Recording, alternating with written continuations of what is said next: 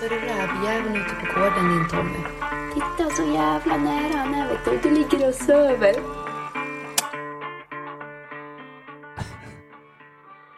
Hur, hur, Hur Har jag mår? Ja, jag mår, jag mår bra, tack som frågar. Hur mår du själv? ja, inget, inget bra. Jag har fått skura älgkött. Det känns inget roligt alls. Nej. Nej, det har inte jag gjort. det, det, det är fan tråkigast jag vet jag. Känner det nu. Ja, då vet inte du mycket tråkigt. Nej, det, det är ju så kanske. Nej vad fan, eh, ska vi prata om hur säsongen har varit?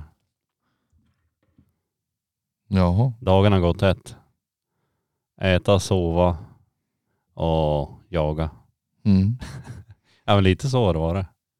Ja, jag säger inte emot. Men eh, ja, vi har inte varit med om just någon björnjakt. I alla fall vad jag vet om. Har du varit med om någon björnjakt?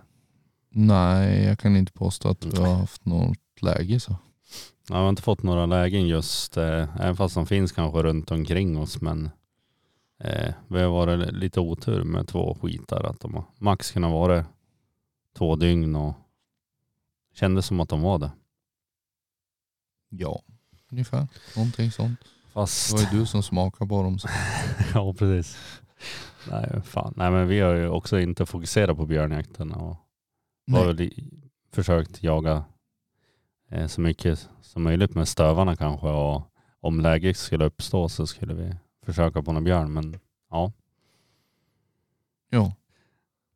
jag kan ju lyssna hur många björnar det är kvar nu. Välkommen till Länsstyrelsen i Västernorrland. Den 7 september klockan 13.00 fanns sju björnar kvar att fälla. Tack för samtalet. Välkommen åter. Och det är alltså sju björnar kvar att skjuta på kanske, ja men till helgen räcker det kanske. ja. Det beror ju på hur slipade hundarna är och om de visar sig kanske.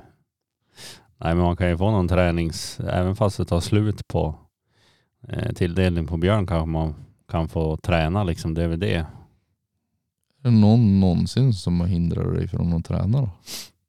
Ja, Nina har hindrat mig någon gång. Ja. Ja. men, men ja. Ja, Ja. kan det vara. Nej men fan, hur har, hur har starten här på rävjakten gått då? Willy var ju här och härjade lite grann och Ja, det funderade. har, väl gått helt okej skulle jag väl hävda. Ja. Eh, Skyttet har väl varit som man har självmordstankar men Ja du har ju bjudit på några bom men alltså ja. Det är ja. bättre, alltså jag känner att det är bättre att blivit att man fått några lägen och bomma än att inte fått några lägen och Ja, ja, jo, men då har ju någonting gått rätt i alla fall. Sen, vad heter det, ja, det är inte, alla gånger är det inte jag som har bommat, utan det är ju en gång. där. Sen har, ju, har jag ju tagit med mig folk som har fått prova att vara med. Så Ja, du hade väl en praktikant som skulle praktisera det här skogsyrket har, men eh, det vart inte riktigt så kanske. nej, inte den dagen i alla fall. Nej, det vart en dag med liksom en eh, life lesson. Ja, drev, gryt och drev igen. Jo, precis. Men i det grytet, eh, det, eh, ja, det finns inte, det har inte hänt oss någon gång så heller liksom, men eh, man vet ju att det kan finnas. Men eh, det sprängdes mer än en räv i det grytet. Jo, det gjorde det. Och han fick skjuta på den efter den första så släppte vi stövaren så for terriern in igen. Vilket inte den eh, äldre brukar göra utan hon ska ju stå och ruska det som förhoppningsvis har dött. Ja, efter ett eh, efter. lyckosamt Ja. Så fort terriern in igen så jag hade tagit ur skotten ur bössan så tog det väl tre minuter så kom det ut en räv till. Och det var ingen som han skjuta på den utan den ja, skrattade nog hela dagen. Jo. Åt. ja. Ja, oss. Eh. Men ja, det var ju kul i alla fall. men eh, Mimmi, visst heter hon så? Ja, en hette Mimmi. Ja men det var den du använt. Hon, hon har ju sprängt eh, mycket rävar nu och hon eh, känns ju som att hon har hittat sin eh, kostym på något vis. Jo, det, hon har ju kommit igång hyfsat känns det som den här säsongen. Och precis. Eh, Ja, Förut var hon väl lite, lite ja, avvaktande på något vis men eh, nu har hon ju hon gör ju någonting rätt där i gryten för att det har ju flugit ut några rävar bara nu liksom. Jag vet inte om det är sex stycken. Jag är dålig på att räkna. men jag tror- bomskott när jag är klar att räkna. Nej Ja. men någonting åt det hållet är väl. Eh, jo, något rätt gör hon ju absolut. För det. Men hon, hon, ja, hon har nog steppat upp ett snäpp utan att gå över på slaktarsidan. Nej precis. Nej hon är ju inte för, för vass. Det Nej. känns inte som hon kommer bli det heller men Nej, jag tror inte. inte det. Men det vet man inte. Nej, nej hon, hon, hon är mer rörlig än vass. Ja, ja precis. Men alla sätt är bra eh, som får ut räven. Sen så, ja. Men vi hade ju en liten rolig episod där när Willy var här och det var väl några dagar när det kanske var lite felaktigt vilt som drevs och hundarna var jaktsugen men sen så, ja, då var det Murray som drev in något. Ja, han har varit lite, så här i början på säsongen är ju han fruktansvärt eh, hårdskälld om vi säger så. Så att eh, det har ju inte varit världens roligaste drev. Eh, men se, han brukar komma igång och skälla lite mer. Sen, sen är det väl det i genetiken som är det största felet på, på så vis. Men han drev ju in en, en räv i det här biträvsgrytet och det är ju i stort sett andra gången det sker. Jo, mig vetligen och vi får ju opponera att det är biträven där som var i, i det grytet. Och vi kan ju höra på ett ljudklipp här vad som hände lite grann.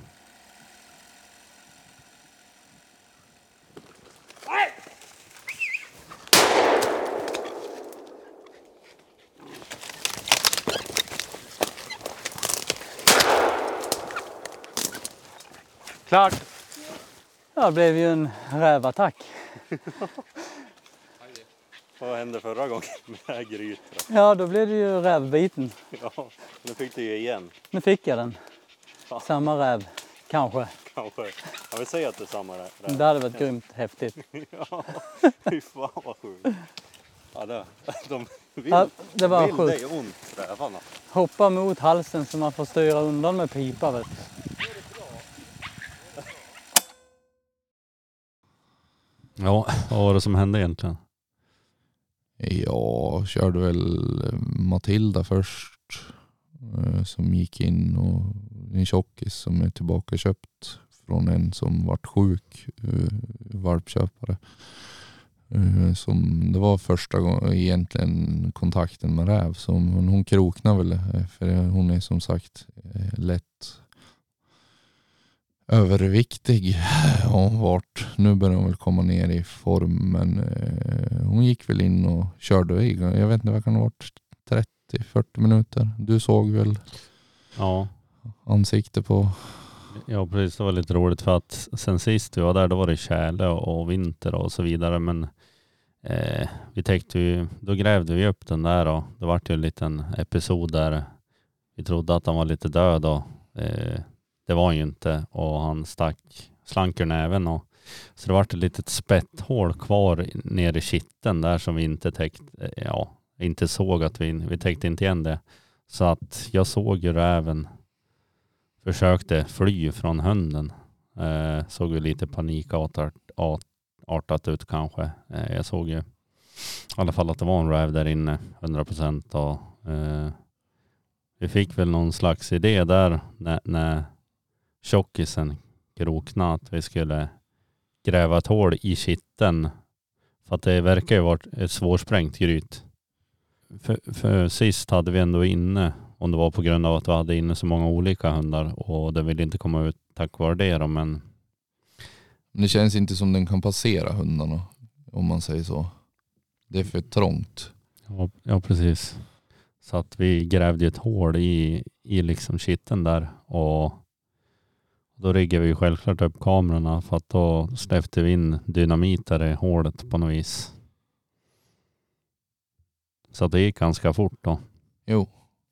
Såg ju rätt komiskt ut också när även kommer backandes ur hålet. Ja, och Wille hade ju ställt sig för han ville ju skjuta den här biträven som gav han ett märke för livet på handen på något vis. Och det sjuka var att han hade inte fått nog av Willy så att han flög i, i stort sett upp i, ja, i brösthöjd på Wille och hoppade. Så han fick ju slå bort räven med bössan.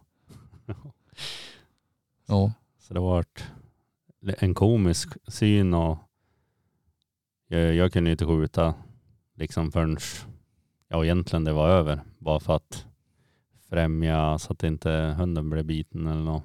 Eller att han stack iväg. Jag sköt väl bara lite för roligheten. ja, jo, det är bättre att skjuta en gång för mycket än för lite. Ja precis, jag ville sköt ju den räven i alla fall. Eh, men han försökte ju ge sig på honom in i det sista på något vis. Ja. Äta små skåningar. ja. ja, så det var, ja, det var roligt. Nej, men sen så har vi haft bra många släpp med stövarna. Jag vet inte hur många, men sen så har inte det kanske var primära alltid att döda sådär, men i alla fall. Nej, för de yngre är det ju att få drevtid. Så enkelt är det ju. Det är som bara få upp drev och så är det kul när de lyckas grytmarkera också. Ja, ja precis.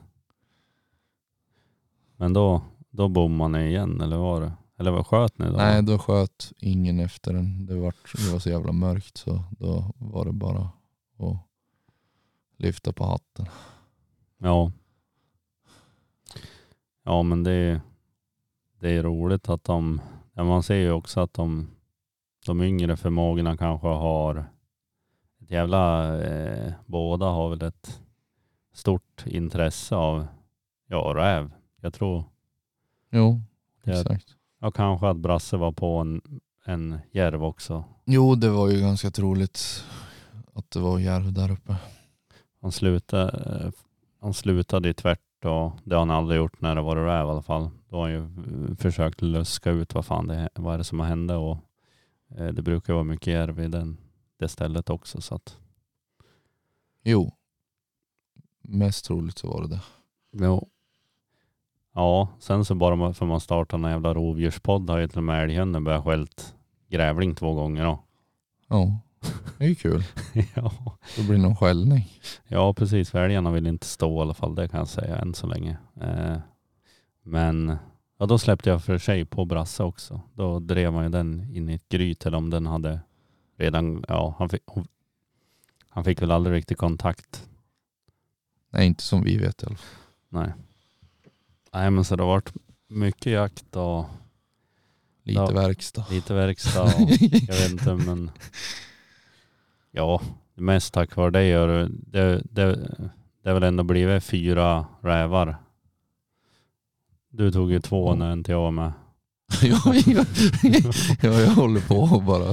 Jag Jo, jo, exakt en och något sånt. Fyra eller ja, något, ja. Och du fick ju den där på drev också den där dagen då praktikanten var med. Ja, exakt. Det var ju lite grann, du skulle bara koppla hunden då för att den hade väl fått ett försprång. Jo men de håller ju på att salta en väg och grusa på och vad heter det, hyvla. Så det var, jag sa det, klarar hon sig över det, alltså i och med att jag såg det kommer ju börja springa den här vägen, klarar hon det här då, det, då gör hon det bra. Och eh, det gjorde hon ju men det tog ja, nog en och en halv timme innan hon vad heter det, fick den på benen igen. För jag tror den kutade och la sig. Ja, Men hon höll på att rota det där så jag sa nu får vi att koppla hunden när den kommer i närheten av en annan väg. Men då var det ju påstick och fullt jävla drev så var det bara i och med att den var påskjuten ställa sig på pass då igen. tog det väl tre minuter så kom den ju. Så Ja, ja det var ju tur men ju mer man jagar ju mer tur har man. jo, exakt det kanske är så. Sen har jag haft lite problem med tracker här och eh, var väl lite irriterad men sen så fick jag ju kontakt med, ja, heter han Bosse Zetterberg. Jag misstänkte att det var något strul med, alltså i förbindelse med servern för det var så jävla konstiga fel jag hade. Mm. Och det visade sig att det typ var något sånt och det var ju, han såg inte ens mig på servern så att det var ju någon jävla generalfel så det var ju tekniken fick fixa till det på något vis så att sen fungerar det bra då. De raderar Tommy från servern. Ja precis. det var någon som hade gjort det kanske. Det gick för bra för mig. Ja jag vet inte fan. Men det löste sig i alla fall och det var ju skönt som fan för att det är, det, är det sämsta som finns när tekniken strular. Ja, man måste liksom gå tillbaks på old school Ja, och old lyssna. school. var- Vart är hunden? Ja. Eller old school. Jag tycker Garmin känns som old school. Fan, jag har ju kört utan Garmin typ. Ja. Alltså jag ser, det finns ju en användning för det också. Men då kanske batteri till telefon räcker längre också. Ja, Eh, Så i och för sig så är det bra att ha båda. Eh, För att annars kollar man ju, så fort man inte ser hunden, då kollar man ju på telefon. Och det drar ju batteri. Helst när man har, en, jag vet inte, världens sämsta telefon. ja, jag kommenterar inte. Ja men din, din drar väl också mycket batteri? Jo, men jag brukar i alla fall ha 50-60 procent efter en dag. Efter en dag? Ja.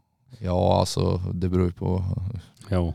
Man får väl se till att ha med sig en powerbank och ladda också. ja. Ja vilket jävla meck det är. Ja, jo, det är ett meck att hålla koll på alla grejer. ja. ja men det är lite det i alla fall. Um, Ja. ja, i alla fall när man kollar på en karta på en Garmin så blir man ju, Nej, Ja, det fy fan, det går kolla, inte. kolla på en jävla morot. ja. Det är, för, det är lite svårare att läsa terrängen och förstå exakt vart hunden är i alla fall. Det är en sak som är säker. Är det något mer roligt som har hänt på jakten? Jag vet inte. Eh, Nej, vi har ju skrattat och haft roligt som vanligt. Så det är väl det roliga då. Sen är ju Ja. inte allt. Har vi liksom, det gick ju mycket bättre när Willy åkte hem. Har vi någon teori där då eller? ja, kanske att hundarna vad heter det, vaknar till efter. Det, Ja. Nej, men jag gissar väl på att, ja men som Asta har jag ju bara skrattat åt när man har sett liksom, ja nu är det ju inte räv utan och så driver hon i tio minuter och så bara, äh, jag ska inte hålla på med det här. Nej. Och så sen så går man, ja men det var ju här, det var ju ganska kul. Man, bara, ja du måste gå och kolla om det är något gryte. Bara, Nej det är inget gryte, hon har drivit rådjur. Ja. Den jäveln. Och så går jag med och går upp på drevlöparen, ser ingenting men så börjar hon gå runt benen och bara Titta husse vad jag är duktig. Jag jagar inte det här. Ja. Sen när man kommer förbi där hon har slutat driva då far hon iväg och så börjar hon gå på rävslag. i- Jag vet inte hur länge hon gick på rävslag, 40 minuter innan det vart upptag. Så sen så går det direkt ner i gryt. ja. Eh, och, och det var väl ja, skrattretande om inte annat. Ja. Man bara ser att nej men, det här är ju något som du inte skulle ha hållit på med. Nej precis. Det blir väl lite så när man släpper ut en kanske lite allt för jaktsugen stövare här i början på säsongen. jo, det är som jag sa, hon har ju inte varit lös någonting innan. Utan det är bara, Nej men sen Ville åkte hem så har det ju bara- blivit rävdrev. Och det har Jo. buktat ganska bra om stundtals så. jo. Ja, sen så, ja jag vet inte något mer roligt. Ja det har väl kommit någon, Det kommer ju säkert bli roligare i alla fall. Eller minst lika roligt. Det är ju det är bara börjat säsongen så att ja. Ja det tvivlar jag inte ett dugg på. Det kommer ju bli roligt när småjävlarna kommer igång på riktigt också. jo, Man får börja stå och vara beredd på dem. jo, det har ju kunnat varit ja, som sist där jag fick upp om jag jag hade stått kvar på det stället hade jag ju sett räven i alla fall. Det, så är det ju. Men Ja, då har jag fått upp det där en gång förut. Då gick det åt helt andra hållet så att då trodde man att det skulle gå där och skyndade man ju sig dit. Så att jag hade niotren också. Ja men det, de dör av den också. Ja, ja säkert. Och så, Jag tror inte man behöver något grövre. Eller? Nej, jag tänkte fan jag åker ut och bara släpper. Det är inte så, eller han, det är inte så liksom, ah, om jag får upp så börjar jag inte skjuta men så fort det vart läge och han började drev så ville man ju skjuta ändå på något vis. Jo. Jo, man får ju inte allt för många lägen på drev. Nej, precis. Det vore ju roligt eh, ja, man ska ju aldrig, jag tror aldrig jag skulle släppa en räv om jag såg han. Det vore om det var den sista räven på skogen kanske, men annars skjuter man nog. Ja. Det är som inte Ja. så troligt att det är den sista heller. Är det den sista så vad spelar det för roll? Det, det finns ju inga jungfrufödslar så om du, eller tror du på det fortfarande? Nej, kanske man får vänta på det här månskensdrevet och skjuta han på det så det blir me- mest minnesvärt då kanske. Ja, ja, ja exakt. Ja, nu ska vi i alla fall snacka med Johan Öhman som är ordförande i Plotthundsklubben och vi ska höra lite grann varför han skaffade plotthund och vad de dug till. Ja, och uh, snacka lite om björnprovet och dess uppkomst och annat spännande. Nu ringer vi upp han i alla fall och lyssnar på det samtalet vi hade för ett par veck tre veckor sedan. Är det.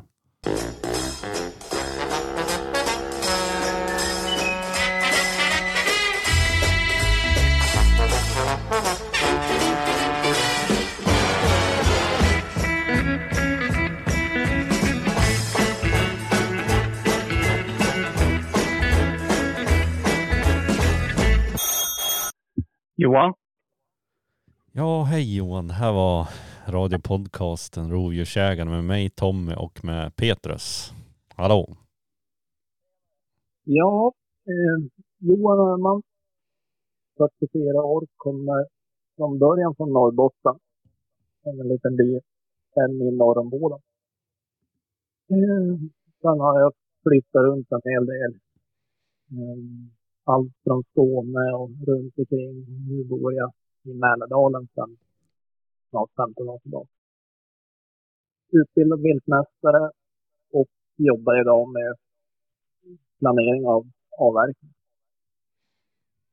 Ja, jajamän, men idag ska vi prata om plotthund tänkte vi och Ja. vad har du för erfarenheter av dem? Ja, skaffade min första plotthund 2006. Eh, precis efter jag var färdig med viltmästarutbildningen. Och eh, sen har det väl rullat på. Jag har haft, jag har haft en hel del hundar, plotthundar efter det. Och jag har väl två stycken i hundgården just nu. Ja, men varför blev det just plotthund då? Ja, det är lite intressant. Under mina år där som jag utbildade mig till viltmästare så är det ju mycket godsjakt och möjligt. Eh, och jag kan väl säga att jag var ganska less på det mesta som hade med jakt att göra när jag var färdig med den där utbildningen. Och eh, kände väl att jag ville prova på någonting annat. Och då var det ju främst med björnjakt i sikte som jag skaffade plotthundarna. För det var någonting som jag inte hade jobbat med liksom förstört inom citationstecken med att sälja och gäster och krångel. Utan jag, jag ville försöka hitta tillbaka till ett riktigt jaktintresse. Och då, då var det bra att börja med någonting nytt. Ja, hur hittade du liksom dina första plotthundar där? Hur gick du tillväga då? då? Ja, jag blev erbjuden av en, en valp från första kullen som föddes i Sverige. Men då höll jag fortfarande på med min utbildning och hade inte riktigt möjlighet. Och det var via en kille som hade varit jaktelev på ett ställe året innan mig. Jörgen Korpelainen som var involverad i de här första hundarna som kom in till Sverige. Och ja, de ville väl ha ut dem till jägare helt enkelt. Och alltså man försökte sprida valparna lite grann både till Norrland och även till Mellansverige. Och jag höll ju på mycket med grisjakt då, så jag tror det var lite grann med tanke på det då som jag fick erbjudande att köpa de där första valparna. Ja, hur utvecklades de där valparna Ja, till ja, jägare? den första tiken där, Filippa, som jag fick tag på, hon jagade in på gris. Riktade slätt då från där hon var ungefär året. Och eh, eftersom jag bor här nere, mängdträningen måste ju bli någonting annat än björn. Och jag jagade ganska mycket gris med henne. Sörmlandsmarker och det gick ju bra fram tills hon var runt två, tre år. Då började skadorna komma. Hon var ganska skadebenägen på grisen. Och, ehm, det har väl varit ett litet bekymmer kan jag säga med de plottarna jag har haft i alla fall. Att från när de börjar nå två, tre års ålder så är det som att respekten för grisarna har blivit sämre och sämre. Och framförallt när man börjar skjuta björn för dem. Jag vet inte vad det beror på, om det är att självförtroendet skjuter i höjden och att vildsvinet blir inte längre ja, tillräckligt farligt för dem eller hur de resonerar. Jag tror inte de tänker speciellt mycket egentligen. Men det är min erfarenhet i alla fall.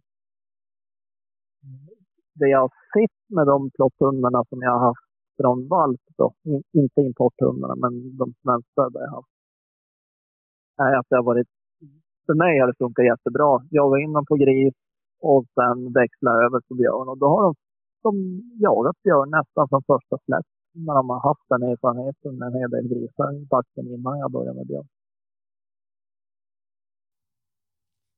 Ja, men hur kom du in till den här plotthundsklubben eller vad Ja, den sidan heter? Hur kom du in i den verksamheten? Ja.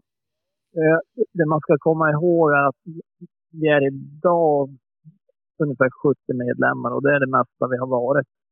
Det var en väldigt liten klubb. Jag kan säga, det var väl ungefär lika många medlemmar som det var hundar ganska länge. Och det var ju inte många hundar. Och, ja, jag var med på något årsmöte och visade väl lite intresse och blev ganska snart invald då, som ordförande i klubben. Mm. Det man kan säga som jag tror är ett litet bekymmer i en del av de här små hundklubbarna, det, det är ju att de som är riktigt inbitna och duktiga jägare är ju inte alltid de bästa föreningsmänniskorna. Utan man, man brinner för jakten och vill jaga. Så ibland är det lite svårt att kombinera och det, det stångas ju med lite grann än idag i Plottenklubben. Att, ja, vi, vi är nog inga föreningsmänniskor utan vi är någon mer jägare de flesta som är involverade i, i styrelsearbetet i alla fall. Så ibland är det lite svårt att skrapa ihop folk till domarmöten och, och styrelsemöten. För jagar man inte björn så jagas räv eller mård eller någonting annat. Ja, det är en lite speciell verksamhet. Ja, det blir kanske lätt så. Men plotthunden idag, är den renodlad björnhund eller är den en vildsvinshund? De som köper eh, en plotthund, vad jagar de? Jag skulle vilja säga att de, de flesta, jag har inte gjort någon jättestor koll på det här, men min känsla är att de flesta bor i södra Mälardalen och jagar vildsvin till vardags. Sen är nog många av dem uppe och provar kanske en vecka eller, eller två på björnjakten också. Men majoriteten bor definitivt i södra Sverige, eller mellan Sverige och södra Sverige. Jag, jag kollade lite grann här tidigare under dagen och det är registrerat knappt 600 plottar sedan tidigt 2000-tal till idag. Nu lever ju inte alla hundar, en del har ju gått åt på grund av ålder och andra problem. Men det är en liten ras. Ja, men hur tänker man då in angående aveln då? Jag tänkte mig det finns lite två falanger nästan. Jo, precis. Eh, Jag har försökt lite grann med hjälp av andra från styrelsen att få igång liten, vad ska vi säga då, en sektion i Plottenklubben som skulle jobba mer mot vildsvinsjakten och vara med och utveckla proven som finns där.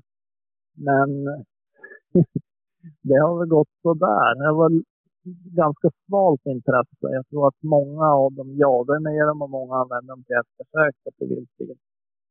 Men jag tycker att all hundavel ska ju, av jakthundar ska ju grundas på jakthundsmeriter för att man ska ha någonting på pappret. Så att brukar väl försöka ja, föra fram den åsikten när jag pratar med rena vildsvinsjägare som har plotthundar. Men ja, det har väl gått sådär. Men det är väl någon form av tanke vi har inom klubben att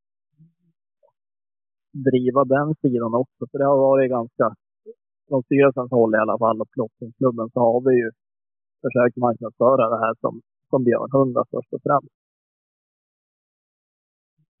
För det är, väl, det, är, det är väl där vi anser att det finns liksom en lucka att fylla. Det finns ju många andra raser som är väldigt bra vildsvinshundar men ja, det, det är som björnhundar. Det är därför de har kommit in i Sverige från början. Det är för att jaga björn.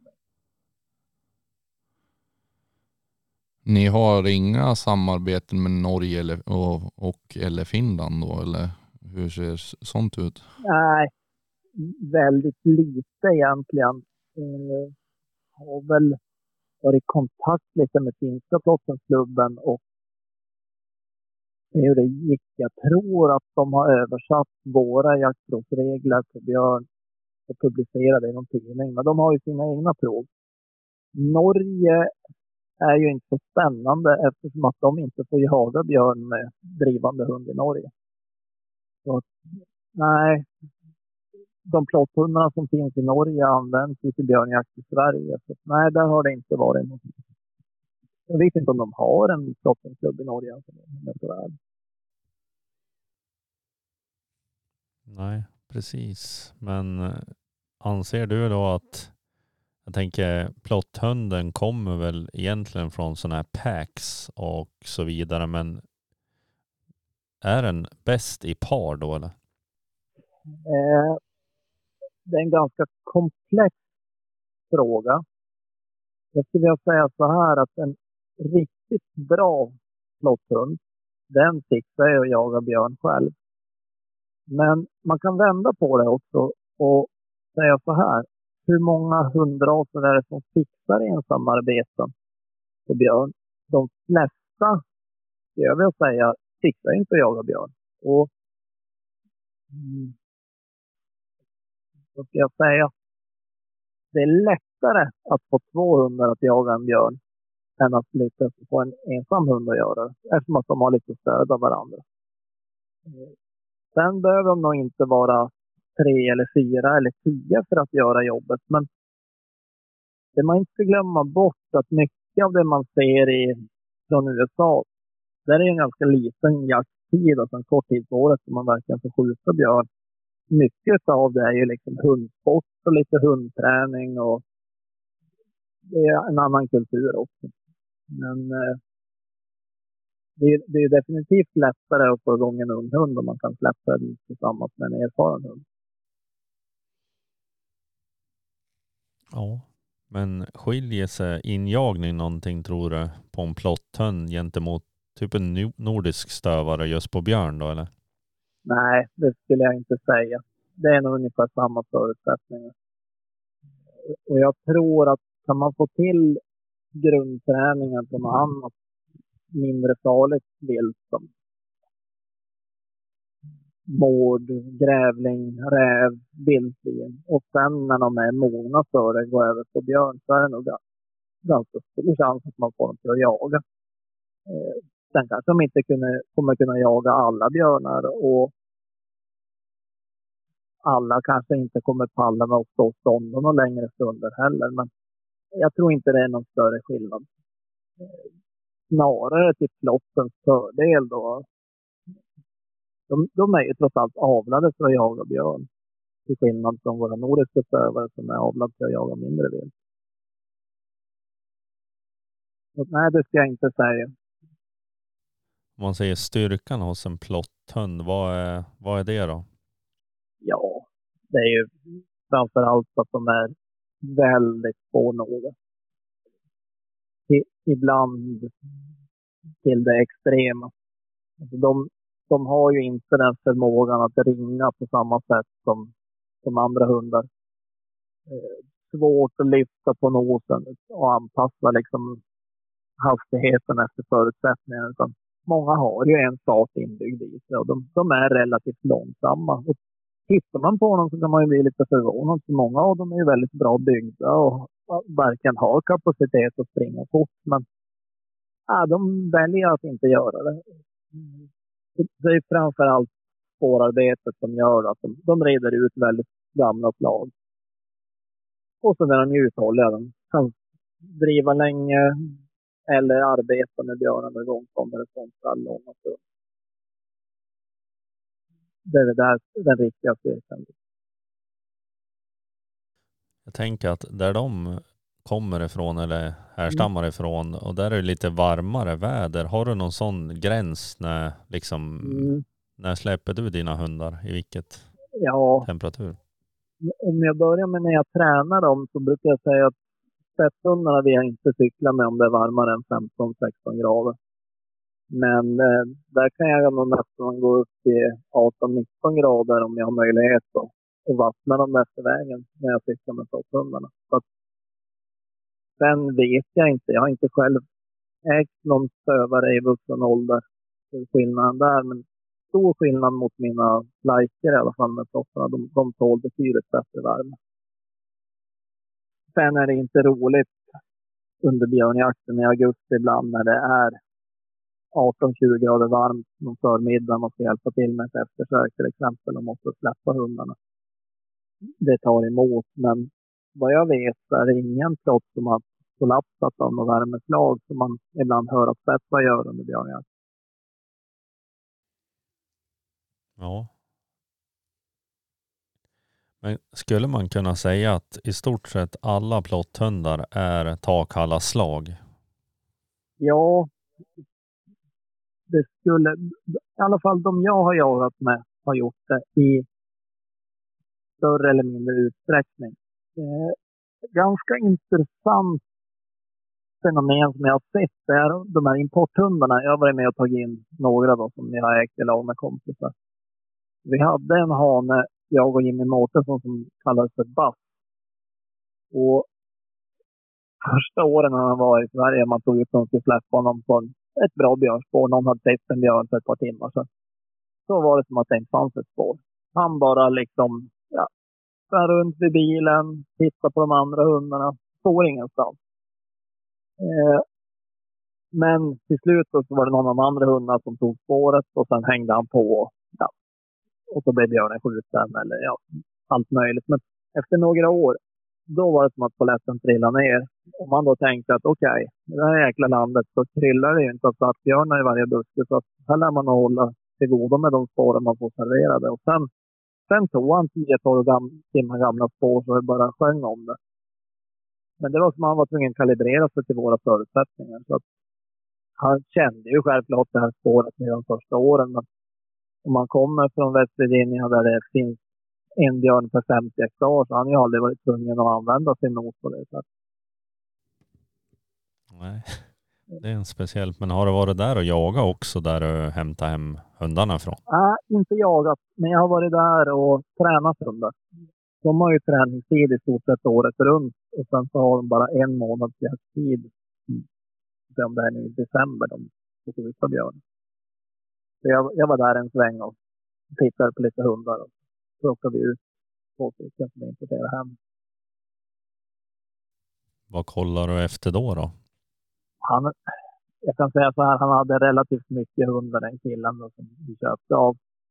Eh, han hade valt ut några som han trodde på. Det var två yngre hanar då, som vi tog hem andra svängen vi var dit. Och, eh, jag ville väl se lite grann att de verkligen jagade och att de inte var den som var sist i packet och sådana här grejer. Eh, sen var det svårt, i och med att vi släppte på en björn som vi såg. Så det var ingen kallspårning, det skulle man inte ha med. Utan det var i andra vägövergången så lyckades vi stå där och såg björnen fara över. Och sen kunde vi se vilka hundar som, ja, som var med i täten. Och en av dem, eller två av dem valde vi att ta med hem. Ja, och det var, var det någon lyckat val de två då eller? Ja, den ena den, eh, den har levererat riktigt bra. Den andra blev det aldrig någon ordning på.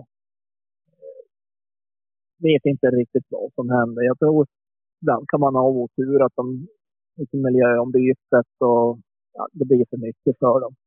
Eh, han utvecklades aldrig någonting vidare. Han var med ibland och korta stunder med andra hundar och jagade men föll ofta ur, blev bakis, eh, kunde bryta. Och, så att, nej, den, den blev det ingenting med.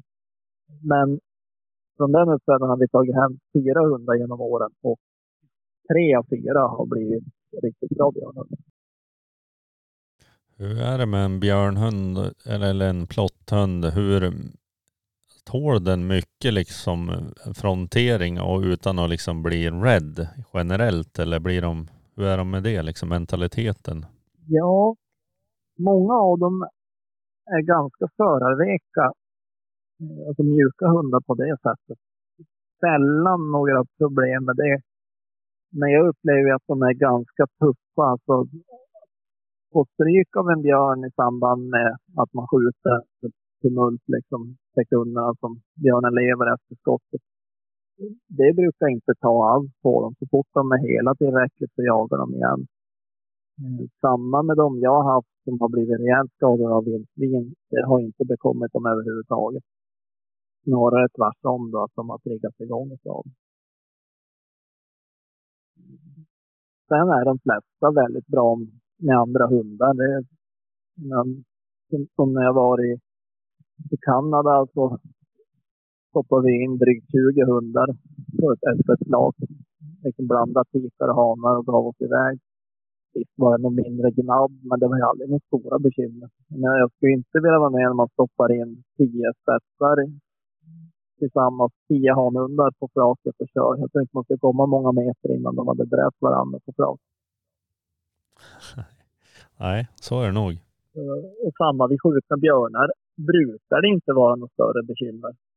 Fast man har liksom två hanhundar framme vid björnen. Det är ju inte alla som går ihop såklart, men för det mesta så är de väldigt bra med andra hundar. Ja, men den bästa plotthunden som du har jagat med då? Mm. Det är lite lurigt det. För ofta så har de ju som olika egenskaper som man gillar. Men jag skulle nog ändå säga en, en av de största plotthundarna som kom in till Sverige. Eh, Rasmus bodde mig den där till att börja med och sen fick min kompis Jimmy Mårtensson köpa den i lag med en annan kille. Kane hette han. En stor tung hanhund som var halt på ett framben och blind på ett öga. Men det var en riktig hårding. Det gick aldrig något speciellt snabbt. Men han levererade. Ja, så länge benen bar honom så jagade han. Det var en riktig kämpe. Och jag vet en gång, det kom ett eftersök och så fick jag björnen på mig. Sköt ett skott som inte tog helt hundra. Björnen trodde liksom att det som hände var, var hundens fel. Så björnen vände liksom i löpan och flög rakt på kajen.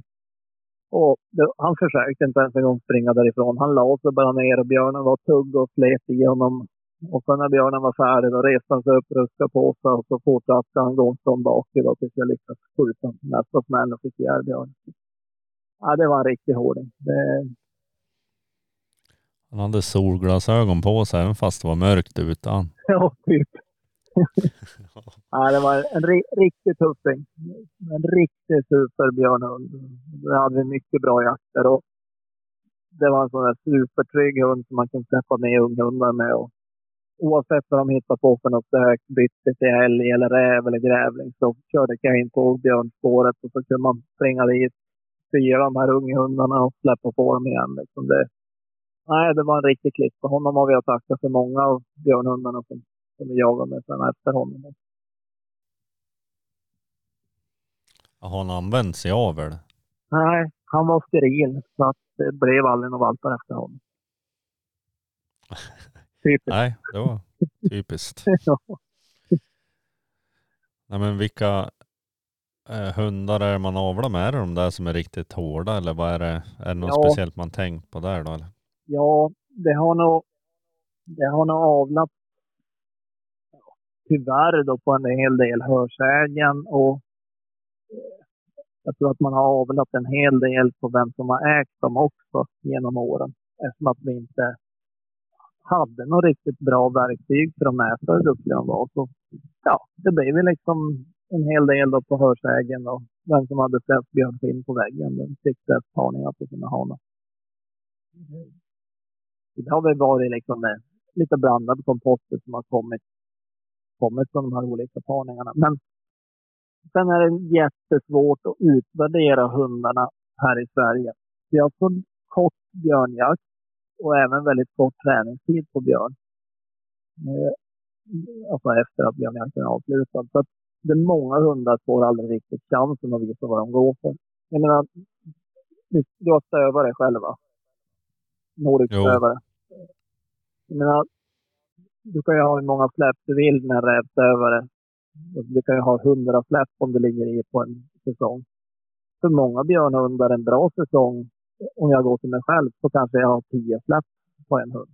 Och jag menar, det är då mina spetsar börjar funka ordentligt på älg. Det är efter tio släpp. Och här förväntar man sig att de ska leverera 21 augusti och sen har man kanske en vecka, tio dagar på sig och sen är jakten över. Så det blir inte riktigt rättvis eh, utvärdering vad hundarna, hur pass bra de är. Så att ibland brukar jag förundras över hur pass duktiga hundarna är med så få släpp de får på en livstid.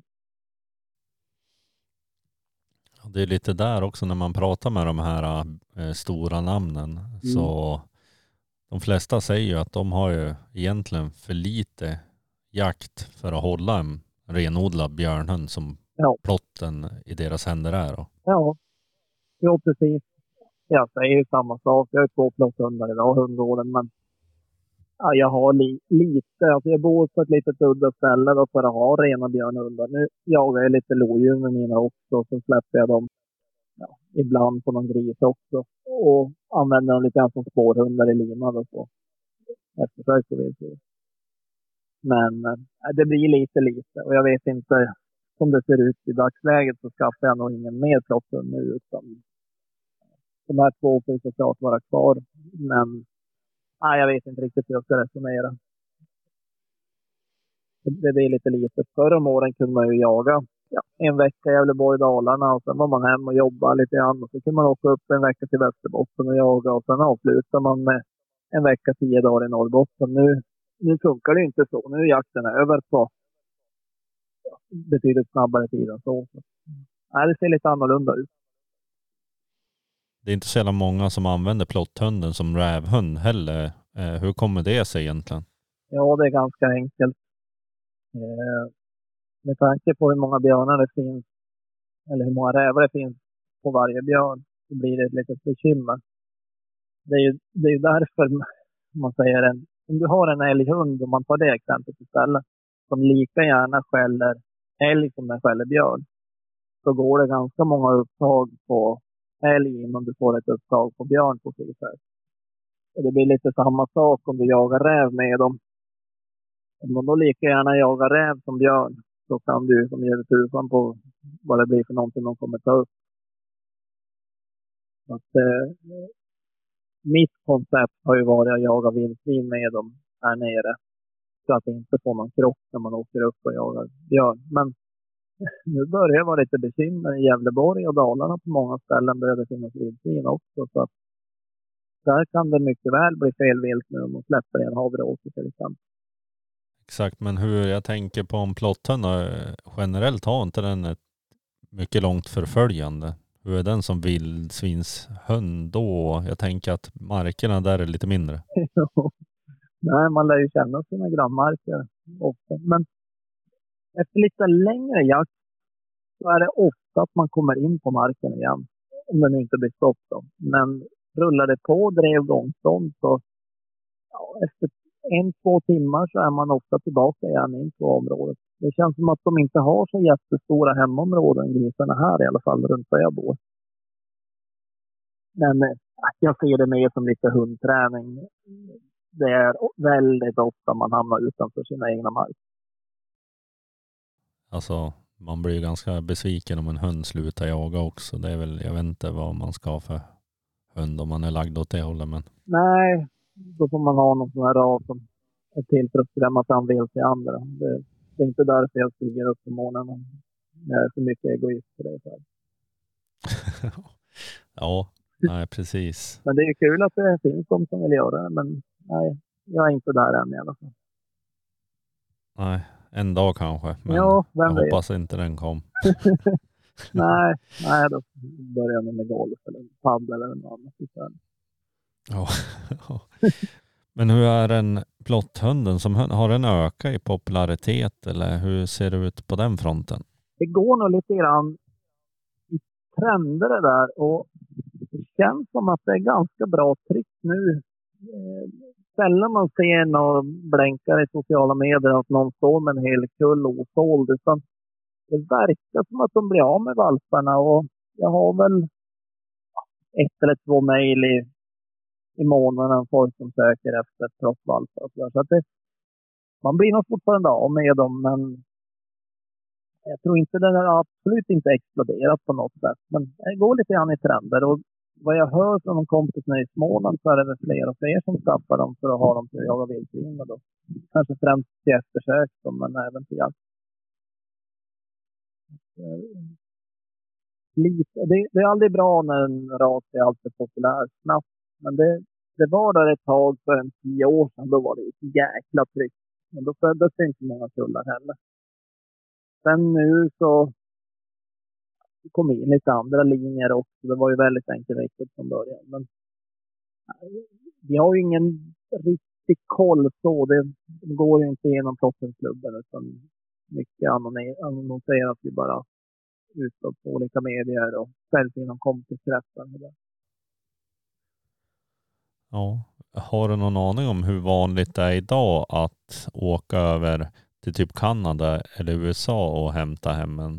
Det görs ju hela tiden. Det, det, det droppar upp in nya hundar titt som tätt. Folk har ju liksom etablerat kanaler och plockar hem hundar.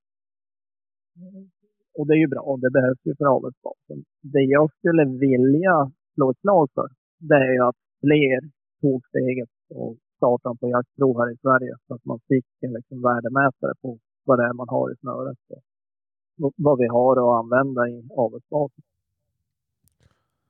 Ja, hur är det? Det finns någon slags björnprov. Vet du någonting om det? Jo, eh, det började vi prata om i i för ungefär tio år sedan.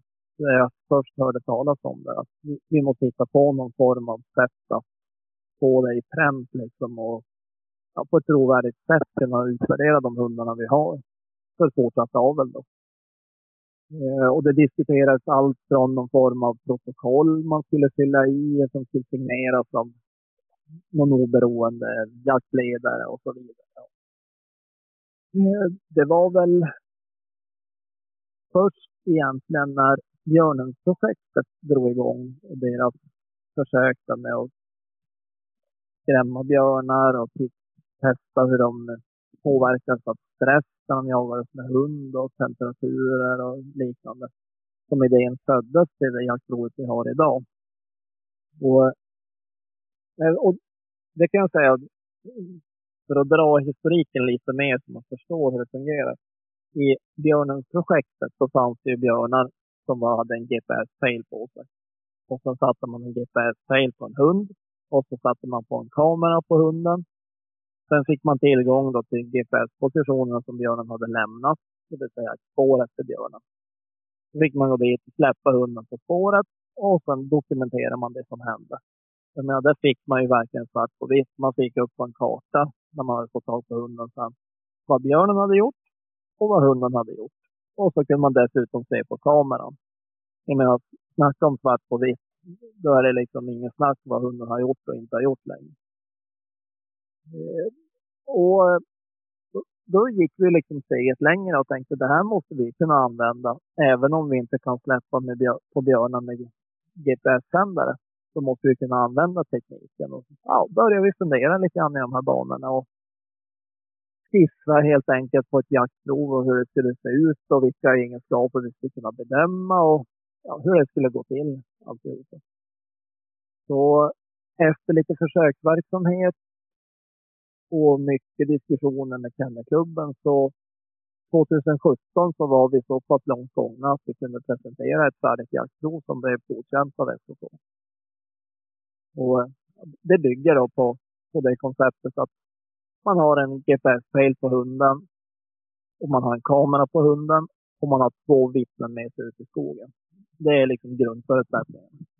Sen ska man ha ett björnslag då som man sätter hunden på.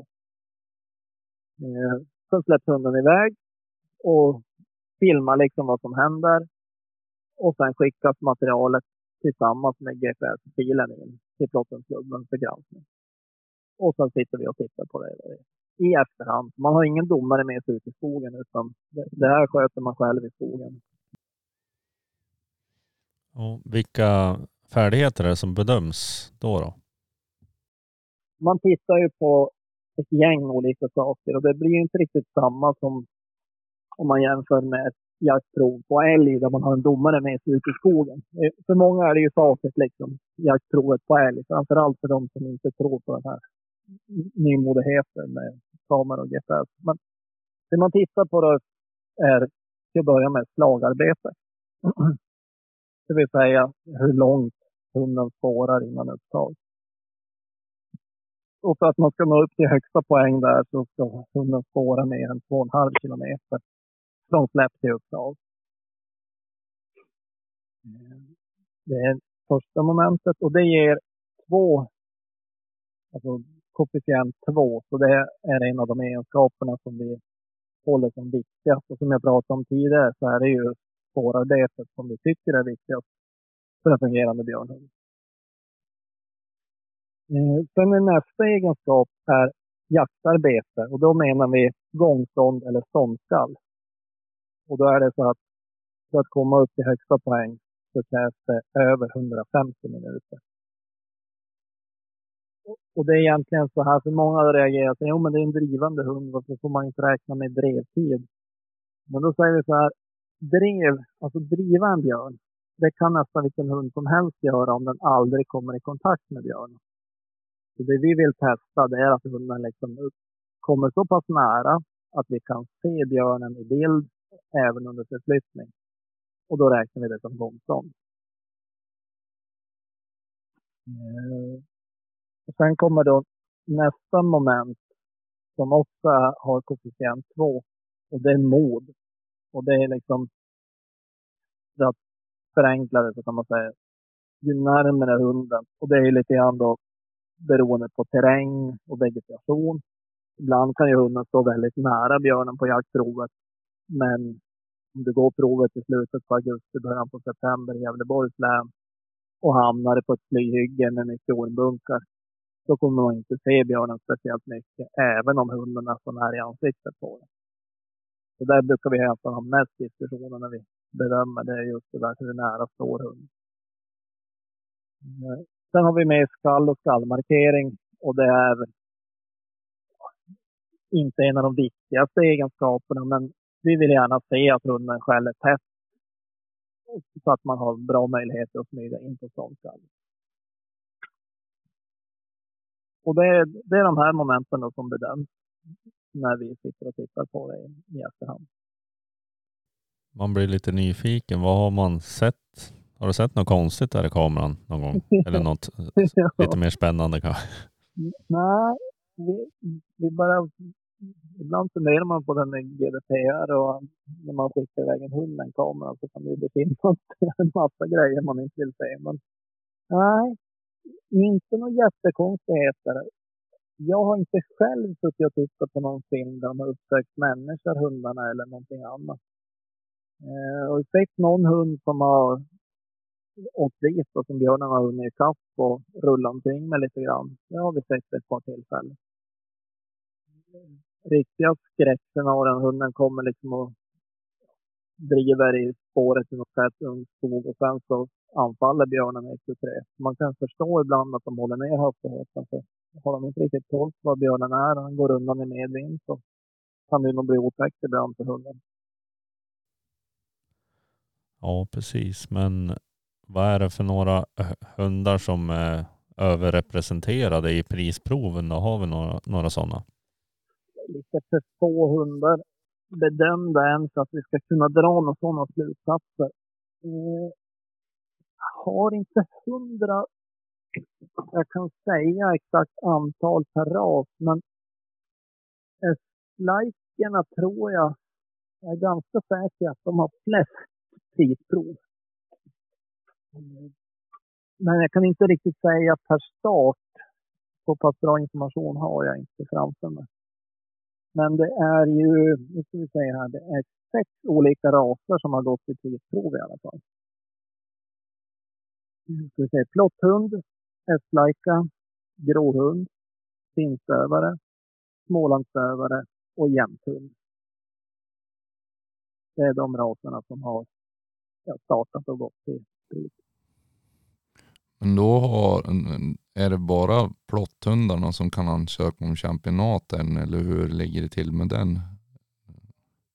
Där har vi en, en liten miss som har slumpit igenom alla nät. Eh, som det är i dagsläget så är det skrivet så att bara plotthundar kan bli champion på björn. Eh, nu har vi nyligen gjort ett utskick här till både Stövarklubben och till Svenska Älgensklubben. Och jag har fått svar av Svenska Älgensklubben att eh, de ställer sig bakom att det delas ut championat till samtliga raser som ligger under deras paraply. Så att nu hamnar vi bollen då hos Kennelklubben. Och så ska vi se om vi lyckas få igenom det här tidigare så att vi inte behöver vänta till nästa provperiod när provet ska skrivas om nästa gång. Mm. Så, så det blir lite olyckligt, men ja, när man uppfinner ett nytt jaktprov i en liten klubb så ja, det är svårt att ha koll på alla detaljer hur allting funkar. Och vi trodde väl lite i vår enfald att när vi skapade ett prov som är öppet för alla raser, till och med blandraser med tävlingslicens inom kennelklubben, att det skulle även gälla diplom eller championat för dessa raser. Men så funkar det ju inte. Utan där måste varje, varje rasklubb eller paraplyorganisation godkänna det i förväg. Hur eh, är, har reaktionen från Stövarklubben varit då? Jag har inte fått någon återkoppling överhuvudtaget där. Och det man ska komma ihåg är att Klottenskubben ligger under SSDV, Svenska specialklubben Drivande vildsvinshundar. Så att det är ju SSDV som på våran begäran har skickat ut dem till Svenska Städarklubben. Så det kan hända att de har fått ett svar. Men vi har inte, jag har inte fått något. Jag vet inte riktigt heller hur snacket går inom Stövarklubben. Jag vet att när vi presenterade det här provet och första finstövaren startade, att det var väl inte alla som hurrade över att stövare skulle kunna starta på ett björnprov, utan det var rävhundar och harhundar punkt slut. Men ja, jag vet inte hur det gick där i fortsättningen. Det har inte riktigt brytt mig. Nej, men det är väl just det som är att de måste ju börja släppa på det där. Att, för det, det är väl ingen som är 15 år som vill gå ut och jaga hare. Nej, jag tror att trenden idag så är det nog roligare att jaga rovdjur än att jaga hare. Bland, jo, bland yngre jägare i alla fall. Jo. Ja. Ja, du har inte jagat hare då? Jo, det är det jag är uppväxt med faktiskt. Farsan hade alltid stövare under uppväxten, så det var frysa, stå still och vara tyst. Det var det man gjorde på helgerna. Men ja, jag minns det fortfarande med glädje. Man har väl glömt bort de gånger man höll på att frysa ihjäl men nej, jag är uppväxt med den stövarjakten. Farfar hade älghundar, men farsan hade bara stövare när jag växte upp. Jo, men alltså nu är det ju så, inte så att jag menar att det är fel på harjakt. För jag är också uppväxt med harjakt. Det är bara just det här att eh, det är väl inte det folk ser som mest actionfyllt. Nej, så är det definitivt. Sen jagade vi en hel del räv också med stövarna när jag blev lite äldre. Och det kan jag väl fortfarande hålla som riktigt bra hundjakt. Nu har jag inte hundar till det själv just nu och jag tycker inte det är så spännande att få ut med andras hundar när man har hundgården full med hundar själv. Men, nej, mycket av björnjakten med plotthund kan ju liknas med rävjakt. Det är många likheter där. Ja, en björn på drev, går den ungefär som en rävdrev ofta, eller hur upplever du det då? Ja, ganska beroende på individen. Ibland kan det ju bukta trångt något fruktansvärt. Men det kan ju en räv också göra. Men äh, det påminner nog. Det går väl lite långsammare och björnen ligger inte lika långt före hunden som en räv kan göra. så är den ju bara 100 meter kanske före hunden även på drev. Men, ja, li, lite samma. Exponera sig inte så gärna över några öppna ytor och väljer där det är som trängs. Det gör ju gärna rävarna också. Nej, det är nog mycket.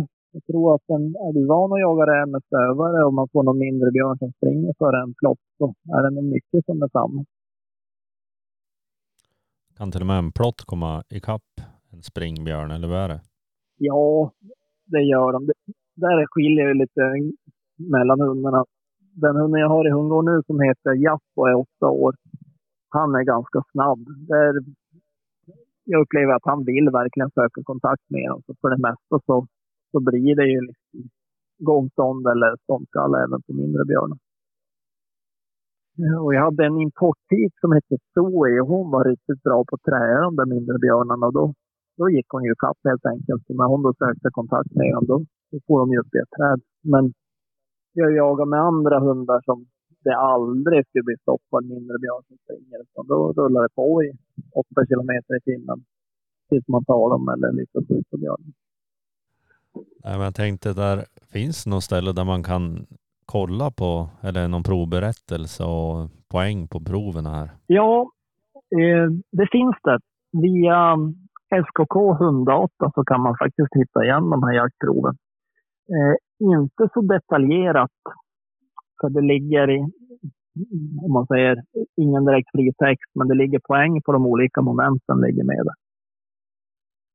Så man går in och tittar på SKK 108 och sen söker man reda på, nu ska vi se vad det heter, jaktprov på frilevande björn tror jag det heter. Där kan du även gå in och titta på alla typer av tävlingsmoment som det finns eller prov som det finns för, för hundar inom Kennelklubben verksamhet. Men där var jag inne och tittade och där går det att söka reda på alla jaktprov som är gångna. Även nollor och allting som är där. För, för det är ju så med det här jaktprovet på björn, att du kan inte gå ut och nöta hela hösten utan innan du ska släppa din hund på ett jaktprov så måste du anmäla via ett anmälningsformulär på Plotthunklubbens hemsida, plotthund.se. Och då får du liksom ett startnummer och en massa information. Och sen den dagen när du har sett en björn fara över vägen på vägen till jobbet. Då skickar man ett sms till provledningen och säger att idag tänker jag starta min hund med startnummer 11 på jaktprov. Och eh, då måste du släppa hunden. Skulle du inte få upp björnen, då blir det ju en nolla. Annars så skickar du in ditt material när du är färdig för dagen. För en del tror ju liksom att det här kan man ju nöta ihop hur, hur länge som helst tills man lyckas. Då, men riktigt så funkar det inte. Då blir det ju en nolla den dagen du inte får upp björn eller att du får ett dåligt arbete som inte räcker till ett prisprov. Och en del tror ju också att jaktprovet där går ju att fuska och klippa ihop hur bra som helst. Men det blir jättesvårt när du ska ha en GPS-pejl på hunden och lyckas klippa ihop ett filmmaterial som stämmer eftersom att du kommer få vägövergångar. Du får en övergång över en myr, du passerar en stor kraftledning. Och allt sånt ser du på filmen och att det sammanfaller i samma tid som på GPS-pejlen. Så att, eh, det känns som att det är verkligen hängslen och svångrem på, på den biten. Jag har inte fått in något prov som är liksom manipulerat tror du? Eh, jo, jag tror att vi har fått in ett sånt prov. Eh, det, nu räckte det inte. Alltså den skällningen på Björn som var med räckte inte till någonting överhuvudtaget. Men det var mycket som var märkligt. Så att jag, jag tror det. Vi gick inte vidare på något sätt eftersom att det inte räckte någonstans. Alltså egenskaperna räckte inte ihop till någonting överhuvudtaget. Det enda vi kunde konstatera var att hunden är i kontakt med en björn under en väldigt kort period. Men vi får liksom ingen, ingen ordning på det. Och så, så vi tror faktiskt att vi har varit utsatta för ett bedrägeriförsök. Ja, frågan är ju vem man lurar. Ja, men du vet, det är så mycket pengar idag i hundaveln. Så jag menar, kan du presentera då ett, ett prisprov på, på björn eller kanske bara att det står ja, att hunden hade kontakt med björn plus att du har några meriter på något annat vilt sedan tidigare. Så gör det det enklare att sälja valparna och du kanske kan ta mer betalt för dem. Så eh, lite otäck utveckling som det är idag med, med de här höga valppriserna. Ja, driver ju på oärliga grejer också tyvärr. Vad kostar det att ta in en hund från typ Kanada? Ja, nu var det länge sedan jag gjorde det själv. Men, och det beror ju väldigt mycket på om det är en valp eller en färdigtränad hund. Jag tror från de riktigt stora uppfödarna, om du ska ha en färdig björnhund, så kanske det är uppåt en hundratusen du får betala för en sån hund idag. Och sen då med lite flygbiljetter och pappersarbete så är det ju en 10 000 till. Men eh, jag har inte gjort det själv på bra länge så jag har, är inte riktigt uppdaterad. Nej, det är inte gratis i alla fall. Nej, nej, det är inte det. Men samtidigt kan jag tänka lite grann så här att om du nu skaffar en valp i Sverige, oavsett om det är en, en älghund eller en blivande björnhund, så är det ju inte alla valpar som kommer vara, vara friska och det är inte alla valpar som kommer bli bra. Köper du en som är färdig och det nu fungerar, du kan ju såklart bli lurad och, och så vidare. Men om du får tag på en som är bra och liksom verkligen håller vad de lovar, så är det egentligen inte så jättedyrt. Jag menar med försäkringar och träning och hundmat och alla timmar man lägger ner så ja, kan det vara en bra investering tror jag för många. Så att, ja. eh, det är både och. Jag tycker det blir mer och mer vanligt att man hör att folk köper en, en färdig älghund också. Det kan man väl tycka lite vad man vill om, men det är ju en, kan ju vara en genväg. För många kanske inte kan lyckas få till en hund själv. Och ja, då är det ett sätt att köpa sig till det istället. Ja, så kanske det är. Men jag tänker på det här björnprovet. Är det utformat efter hur en plotthunds egenskaper ska bedömas och kan andra raser prestera höga poäng även de? Liksom, hur, hur ja, är det, det är, det är ganska, vi säga, när vi tittar på eh, björnprojektet, eller Björnprojektet, skandinaviska björnprojektet uppe där i, i Orstenskogarna. Så kommer man ju fram till, man testar en mängd olika hundraser och man kunde inte egentligen se någon större skillnad i hur björnen betedde sig och vad hundarna gjorde, oavsett om öronen stod upp eller hängde ner. Så det här provet är ungefär likadant. Alltså vi, vi märker ingen större skillnad. En, en bra björnhund den gör ungefär samma saker. Den spårar långt och den står nära och ståndar. nej, det är ingen större skillnad. Det är detaljer i sådana fall att när man tittar på filmerna. Jag tycker hundarna av stövartyp står mer statiskt generellt när de skäller på björnen. Eh, men det blir ju björnen lugn, lugnare av också. Ofta när det har gått en timmas ståndskall, då lägger sig björnen ner på ståndskallet. Och det gör den även med en hund som jobbar aktivt med den. Men det tar lite längre tid innan den kommer till ro då när en hund som är väldigt aktiv. Så nej, marginella skillnader. Och, det är lite intressant att en del av spetshundarna som är startade, de väcker faktiskt på slagen då, när de går på kalla slag efter björn. Eh, vad det då beror på om det är för att de är injagade tillsammans med en plotthund som går och hoar eller om de tycker det är lite otäckt och därför släpper någon växtskall. Eller, eller vad det beror på. Det, det har jag inte facit på. Men det är väl någonting som vi har noterat. Och det, det skriver vi faktiskt i, i vårt domarprotokoll om hunden väcker på slag eller inte. Det ger inga poäng eller avdrag eller någonting, men vi noterar det i alla fall. Är det för att de är lite vassare? Kan det vara något sånt att de är lite het liksom? Jag vet inte. Ja, eller tycker det är lite otäckt. Eh, jag vet inte riktigt. Nej, för jag såg att eh, Rasmus, eh, ja, Donna där, gjorde väl också så. Jo, jajamän. Eh, Hon väckte ganska mycket På spår. Jag försöker dra mig till minnes om det är någon mer. Jag tror det är någon mer spets också. Men jag kommer inte på vilken som också väckte lite grann på slag.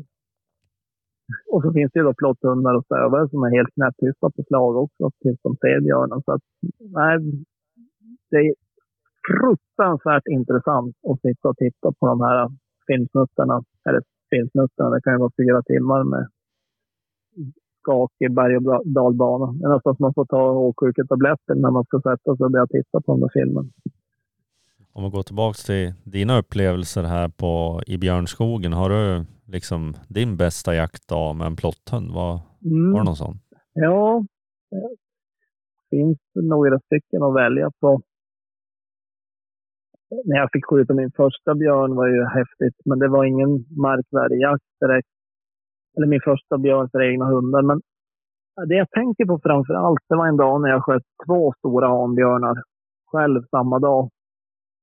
Det är nu en fem, sex år sedan i... Ja, det måste vara något liknande när jag säger fem, sex år sedan, då brukar det vara tio år sedan. Men i det här fallet så stämmer det nog med fem, fem, sex år sedan. Då eh, jagade jag och några kompisar i gränslandet mellan Gävleborg och Dalarna. Och sen, eh, det var väl en björnskit på vägen utanför Svärdsjö. Och vi åkte dit, eh, släppte hundar och fick upp den där. Och då jagade vi faktiskt med, med spetshundar den dagen. Jag hade med min, min egen Laika-hane. Eh, Stoträvens P-veck och sen var det en kompis Laika med på den där också. Ja, jag hade väl tur och relativt snabbt lyckades ställa mig framför och fick den där igångstånd upp på vägen och, och sköt den då på ganska nära håll. Riktigt stor björn. Drygt 200 kilo. Och det var ju frid och fröjd och skitkul. Och vi tog ner den där till närmaste by där och lodde den och besiktningsmannen var där och jag skrev i alla papperna och allt var frid och fröjd. Och jag kommer så väl ihåg det. Precis när jag skar av liksom det sista på skinnet och det föll ner på plattan där utanför slakteriet, så ringde telefonen. Och då var det en kompis som hade hört av sig sedan tidigare uppifrån Kilafors som hade fått problem. Då. Hans jämte hade skällt på en björn och han hade skjutit på den och den hade farit iväg. Och, ja, han ville ju helt klart ha hjälp. Då, för, ja, det bedömde den ju som påskjuten. Så det var ju bara att plocka ihop grejerna och tacka de lokala jägarna och så blåste vi dit allt vad vi orkade. Och det var krångligt när vi kom dit. Då, för jämthunden där hade jagat den björnen ett par timmar. Han hade skjutit på den. Sen hade de en vägövergång med tydliga björnspår. Och sen i nästa vägövergång hade hunden bytt till älg. Och det här var ju då ja, mitt på dagen. 22 augusti, typ 20 grader varmt. Och hundarna hade ju, nej då hade vi ju fräscha hundar i bilen. Eh, så vi tog ut två plotthundar, en importhund och sån där hundar som jag har som heter Japp och satte dem på spåret där vi hade sista vägövergången. Säkrade på björn. Men du vet med en liten klump i magen. Två lite yngre hundar, en importhund och sen en svenskfödd. Och vi visste att jämthunden hade bytt någonstans mellan de här två vägarna. Så det var ju liksom, ja, bet i högra makter, hoppas på det bästa och kroka lös. Ja, de tog ju spåret bra och drog iväg. Och vi jämförde hela tiden med pejlen från Jämtland och då såg vi ju på ett ställe mitt mellan de här två vägarna att jämten hade vinklat vänster. Och när våra hundar kom dit så krånglade de lite grann, slog liksom en liten ring och sen så gick de då åt ett annat håll. Så då då hoppades vi att de hade björnspåret. Då. Spårade långt, alltså vi snackar nog någonstans mellan fem kilometer och en mil.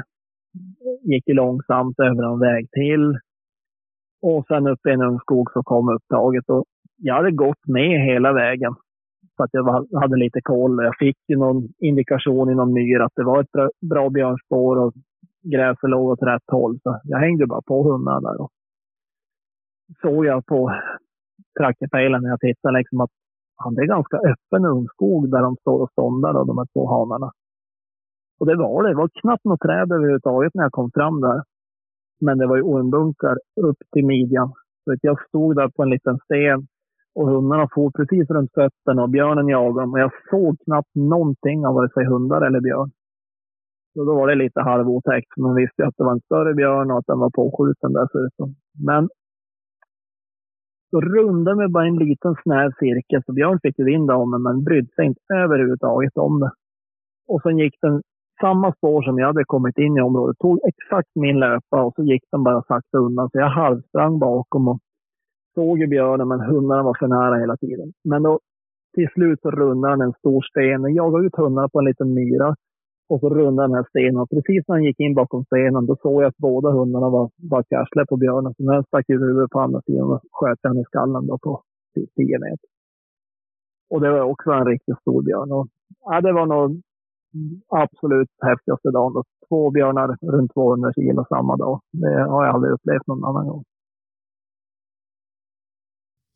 Nej, ganska bra dag. Ja, mäktig. Och som lite bonus så hade jag en kompis med i samma bil där. Så när vi kom fram till bilen då sa jag, vet du Marcus vad det bästa med det här är? Ja, nu har vi skjutit två björnar.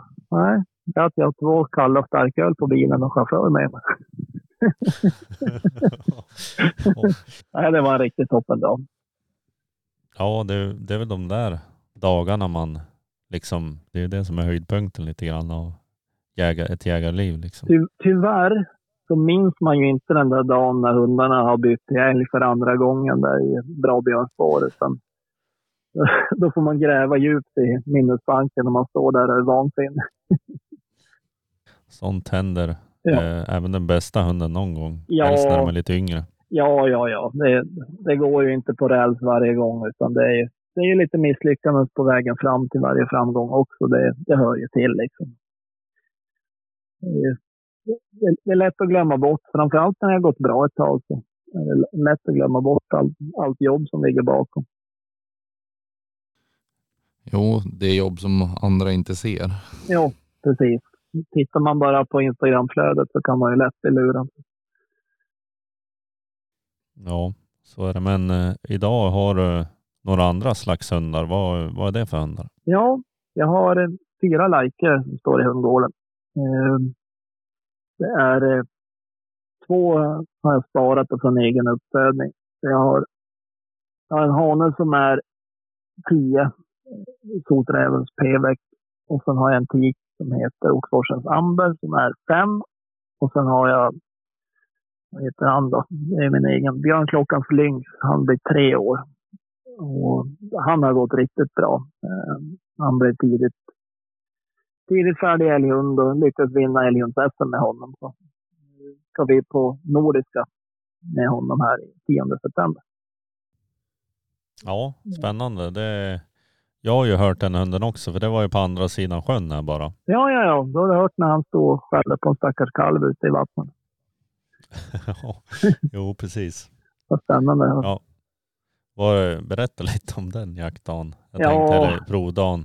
Ja, det var bland det mest mystiska jag varit med om. Eh, det var ju spännande att åka upp på älghunds-SM. Det hade jag liksom inte räknat med när jag startade honom på jaktprov, men så, så blev det ju liksom.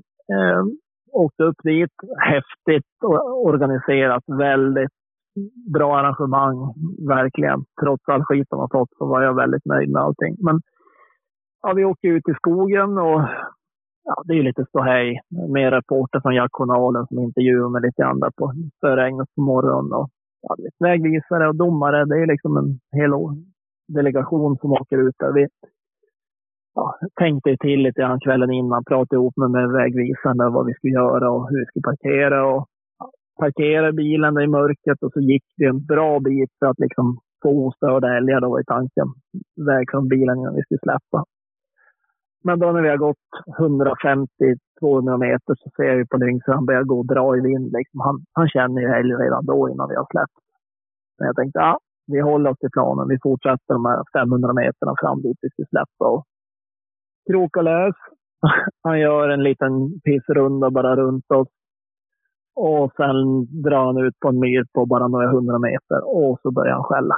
Och det står ju inte i upptaget utan det rullar iväg gång som liksom direkt. Så jag ser ju framför mig liksom, ja, där stack ju de viktiga poängen liksom. Ingen stånd i upptag, upptag på för kort avstånd. Den här dagen går ju åt helvete fullständigt. Ja, så blir det då korta stopp, rulla på gångstånd, korta stopp och sen går det ut i sjön. Jag tänkte, ja men nu kanske jag har chansen. Kanske simmar ifrån honom då så att han bryter och kommer tillbaka och så kan vi prova några nya älgar. Men du vet, då har man ju kniven på strupen för då har ju provtiden börjat ticka och går hela tiden. Men han står ju där och dunkar och skäller lite grann. Och, ja, vi tar oss dit, men hör ju på honom liksom att det är lite trevande. Och, eh, sen får man ju komma ihåg, det här är en jätteung hund. Han är ju inte tvåfyllda. Han har aldrig varit med om att en älg går ut i vattnet ens en gång. Så det är ju första gången för honom. Och, ja, till slut kommer vi in, lyckas få en inkallning och ser och kalven står ju ute i vattnet. Men då har han ju som tröttnat på alltihopa för den står ju så långt ut i vattnet så han kommer ju liksom inte åt att jobba med den som han är van. Så då, vad vi tror i alla fall, så provar han ju kon då som har lämnat platsen. Så han far en jäkla runda efter henne och ja, blir inget stopp. Hon rundar en stor sjö där och till slut bryter han det förföljande och jag får tillbaka honom. Och ja, sen blir det inget vettigt. Han söker upp kalven igen som lämnar sjön. Men då är det som att han har bränt krutet. Så sen blir det ingenting mer. Men det är lite intressant när det är sånt här arrangemang då med en trackergrupp och man kan se alla andra hundarna. Så ett liten bit in där i provet så kan jag inte låta bli. Så jag loggar in där och så tittar jag och ser att det är ju bara min som skäller. Men sen började telefonen telefon gå varm. Kompisar från hela när och fjärran skickar meddelanden. Farsan min ringer. Och, nej, jag höll ju på att bryta ihop. Så jag var ju bara att stänga ner allting för att inte hjärnan skulle koka på en. Och ja, jag hade väl lite tur och de andra hade otur. Och den här gången räckte det då till att vinna Älgensvästen med ett dåligt tredje pris. Så, ja, ibland räcker det. Någon, ofta känns det som att man ändå har otur och då är det skönt att ha tur när ja. som mest gäller. lite så. Och det får man ju höra lite grann från dem. Ja, både från de som är avundsjuka och de som vill jävlas. Att, ja, det är väl ingen konst att vinna SM när man kan vinna på ett tredje pris. Men ja, surt sa räven brukar jag bara säga. Men det är ju så simpelt också. Jag jobbar i skogen här ja. runt. Eh, jag tror att i fjol höst hörde inte jag tio ståndskall, alltså Nej. på hela hösten. Alltså det är skogen sju dagar i veckan. Ja, ja du säger. Så det är inte speciellt lätt att komma hit och tro att du ska köra ett prisprov bara. Nej, nej, det är tuffa älgar. Jag jagade ju tidigare lite längre upp i samma dalgång upp mot närmare. Ja. Och jag kunde ibland stå och nästan skaka av irritation. Släppte hundarna, gjorde ett bra sök, plockade upp älg på en kilometer. Stod tio skall och sen var det bara sken. Ja. Då undrar man liksom, ja, vad är det för problem? Ibland känns det som att det gick knappt att jaga älg. Men sen kunde man ju då ett och tre få tag i en älg som var samarbetsvillig, men det var ju ja, långt mellan gångerna. Jo, det är liksom, jag vet inte vad som har hänt här. Nej, tror att det är många faktorer som spelar in. Jag tror det är ganska högt jakttryck och sen är det någon ganska ung älgstam får jag för mig då. Och jag tror att det påverkar. Men, jo, och så, så är det långt mellan älgarna också. Jo, det är ju så klart så är det. Menar, har du en tätare älgstam så känns de tryggare också. Men det är, det är många faktorer som spelar in. Så att, nej, det, det ska bli spännande att åka till, till Finland och se hur det funkar där. Jag har väldigt lite erfarenhet om vad de har för älgstam och hur, ja, vad det är för marker överhuvudtaget. Så, nej, det ska bli en liten upplevelse. Vart i Finland är det då? Ja, det är väl i sydöstra delen, kan man säga. Närheten av Kavi, om jag minns rätt. Jajamän. Jag har bokat Ja. färjan i alla fall och rabiesvaccinerat hunden. Så, så långt Ja. är det klart. Jajamän. Ja, finnarna är ju, de är ju jävligt liksom, de upplevelser och det jag har hört därifrån, de, alltså vägvisaren har ju full koll på älgarna, vart det är och vad det är för älgar och det är liksom, Jo, det, det, är, det är inte som man kan se här att ja, men vi, Gråhönsklubben har rasmästerskap och så gå ut hipp flapp och det är två hundar som får tag i älg liksom av tio. Det är så Nej, får det inte funka. jag har förstått det och att det är väldigt stort också med, med tävlingar och jaktprov i Finland. Alltså de, det, det känns som att de är, ligger lite före. De, de tävlar ju mycket mellan olika länsklubbar och jag, jag tror att det kommer vara ett välordnat arrangemang, definitivt. Jo, jo jag skulle bli ytterst förvånad om det inte vore det. Mm. Och jag vet, de jagar ju mycket på ett annat sätt än vad vi gör också. Vad jag har förstått så är det det vanligaste när de jagar älg att hundförarna får ut och släpper hundarna utspritt på marken. Passkyttarna sitter bara och väntar tills några hundar börjar skälla. Då först postar de ut i det området. Ja, De har liksom en annan tradition runt det här med lösensjakt.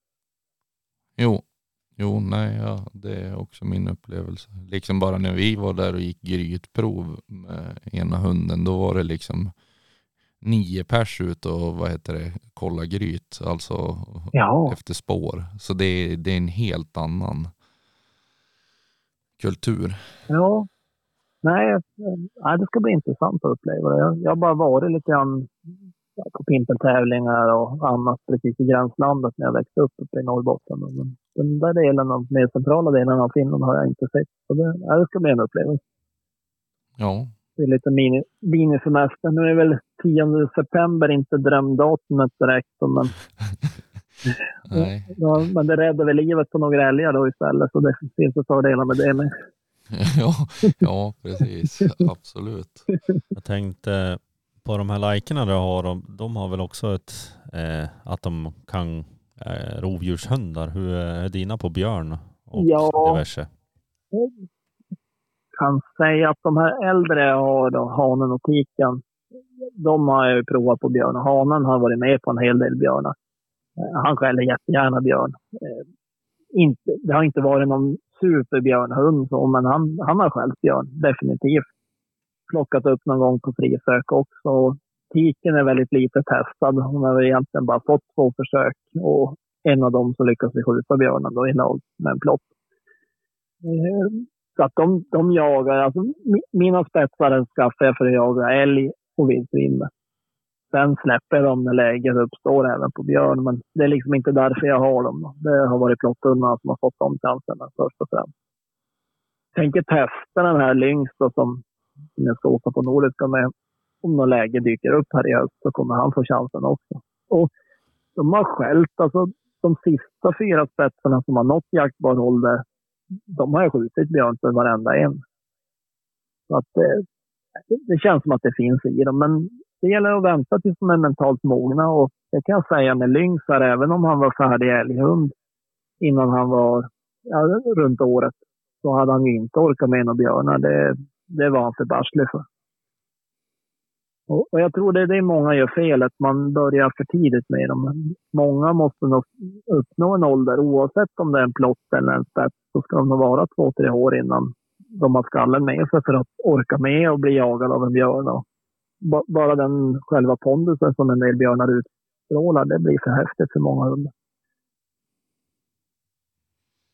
Men hur kommer det sig till att det valde just lajka då?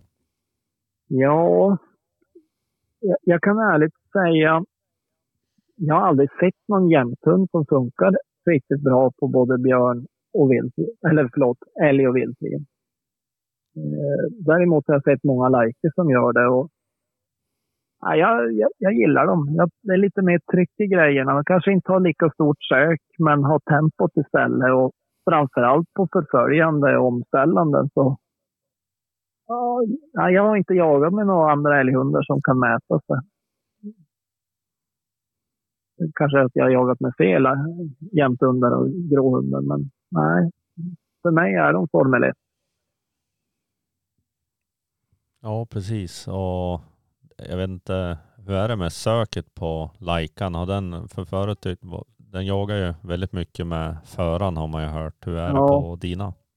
Blandat. Eh, den äldsta hunden jag har är väl egentligen den som enligt mig är mest rastypisk. det är ett kortare sök. Vi, vi snackar 200-300 meter. Är- han längre 300 meter ifrån mig, då kommer det ofta ett upptag ganska snart. Kortare skalltider och ja, jaga med, med mig. Liksom. Det är väl så gränsfallen hund som jag skulle kunna jaga med utan pejl. Det skulle man ju inte göra eftersom att pejlen finns. Men jag tror jag hade haft med honom hem de flesta dagarna även om jag inte hade pejl på honom. Eh, däremot den här lynx och tiken jag har, amber. Det är ju någonting annat. Där är det ju ett sök på, kanske inte upp på kilometern, men inte långt ifrån. Relativt långa förföljande och sen är det ju skalltider hela dagen, står ni och skäller. Så det har ju, det har ju hänt någonting. Och det ser man ju på jaktprovsstatistiken också när man är inne och tittar. De, det är egentligen ingen skillnad i antal prisprov, då, procenten, om man jämför mot jämthunden. Och det, det har väl skett en utveckling. Och sen om det är bra eller dåligt, men om man säger som älghundar har de ju blivit snäppet bättre än mot vad de har varit tidigare. Ja, precis. Vi har ju pratat ganska länge nu och Mm. tänkte nog avrunda det här samtalet. Och, eh, men vi, en sak som vi frågar de flesta det är väl eh, hur mycket tar du bänkpress? ja. Det var länge sedan jag maxade. Jag slet sönder axeln när en grävling for över vägen när jag gick med 500 samtidigt. Så jag är ganska dålig på bänkpress. Men jag, jag kan göra 15 dips och ungefär 10 chins i alla fall. Ja, jajamän. Så det är väl Men, alltid något. eh, Ska jag dra till med något så säger jag 90 kilo bänkpress. Jajamän. Men eh, vad är den största björnen du har dragit ut själv då? ja, det är det som är ett bekymmer. Man skjuter för många björnar, till slut är det ingen som vill hjälpa en att släppa ut dem ur skogen. Men ja, jag, jag blir ut en björn på ungefär 70 kilo själv. Ja, Eh, det, det är nog den största. Bästa brukar vi nog få en pulka och en fyrhjuling till. jo. ja men det var, det var bra svarat där all, alltihop. Vi är nöjd. Ja, själv. Det var roligt, roligt att du ville vara med och snacka lite här. Ja, jag hoppas det gav någonting. Jo men hur var? Det är bra. Det gjorde det absolut. Men du får ha det så bra så skitjakt här och Mm. säger man lycka till på ett prov? Jag vet inte. Ja, det går bra. Jag, jag tror inte mycket på tur, utan jag kör mer på skicklighet. Ja, ja, det är helt rätt. Lycka Ja. till. Ja, ha det bra killar. Ja, Detsamma. Hej med er.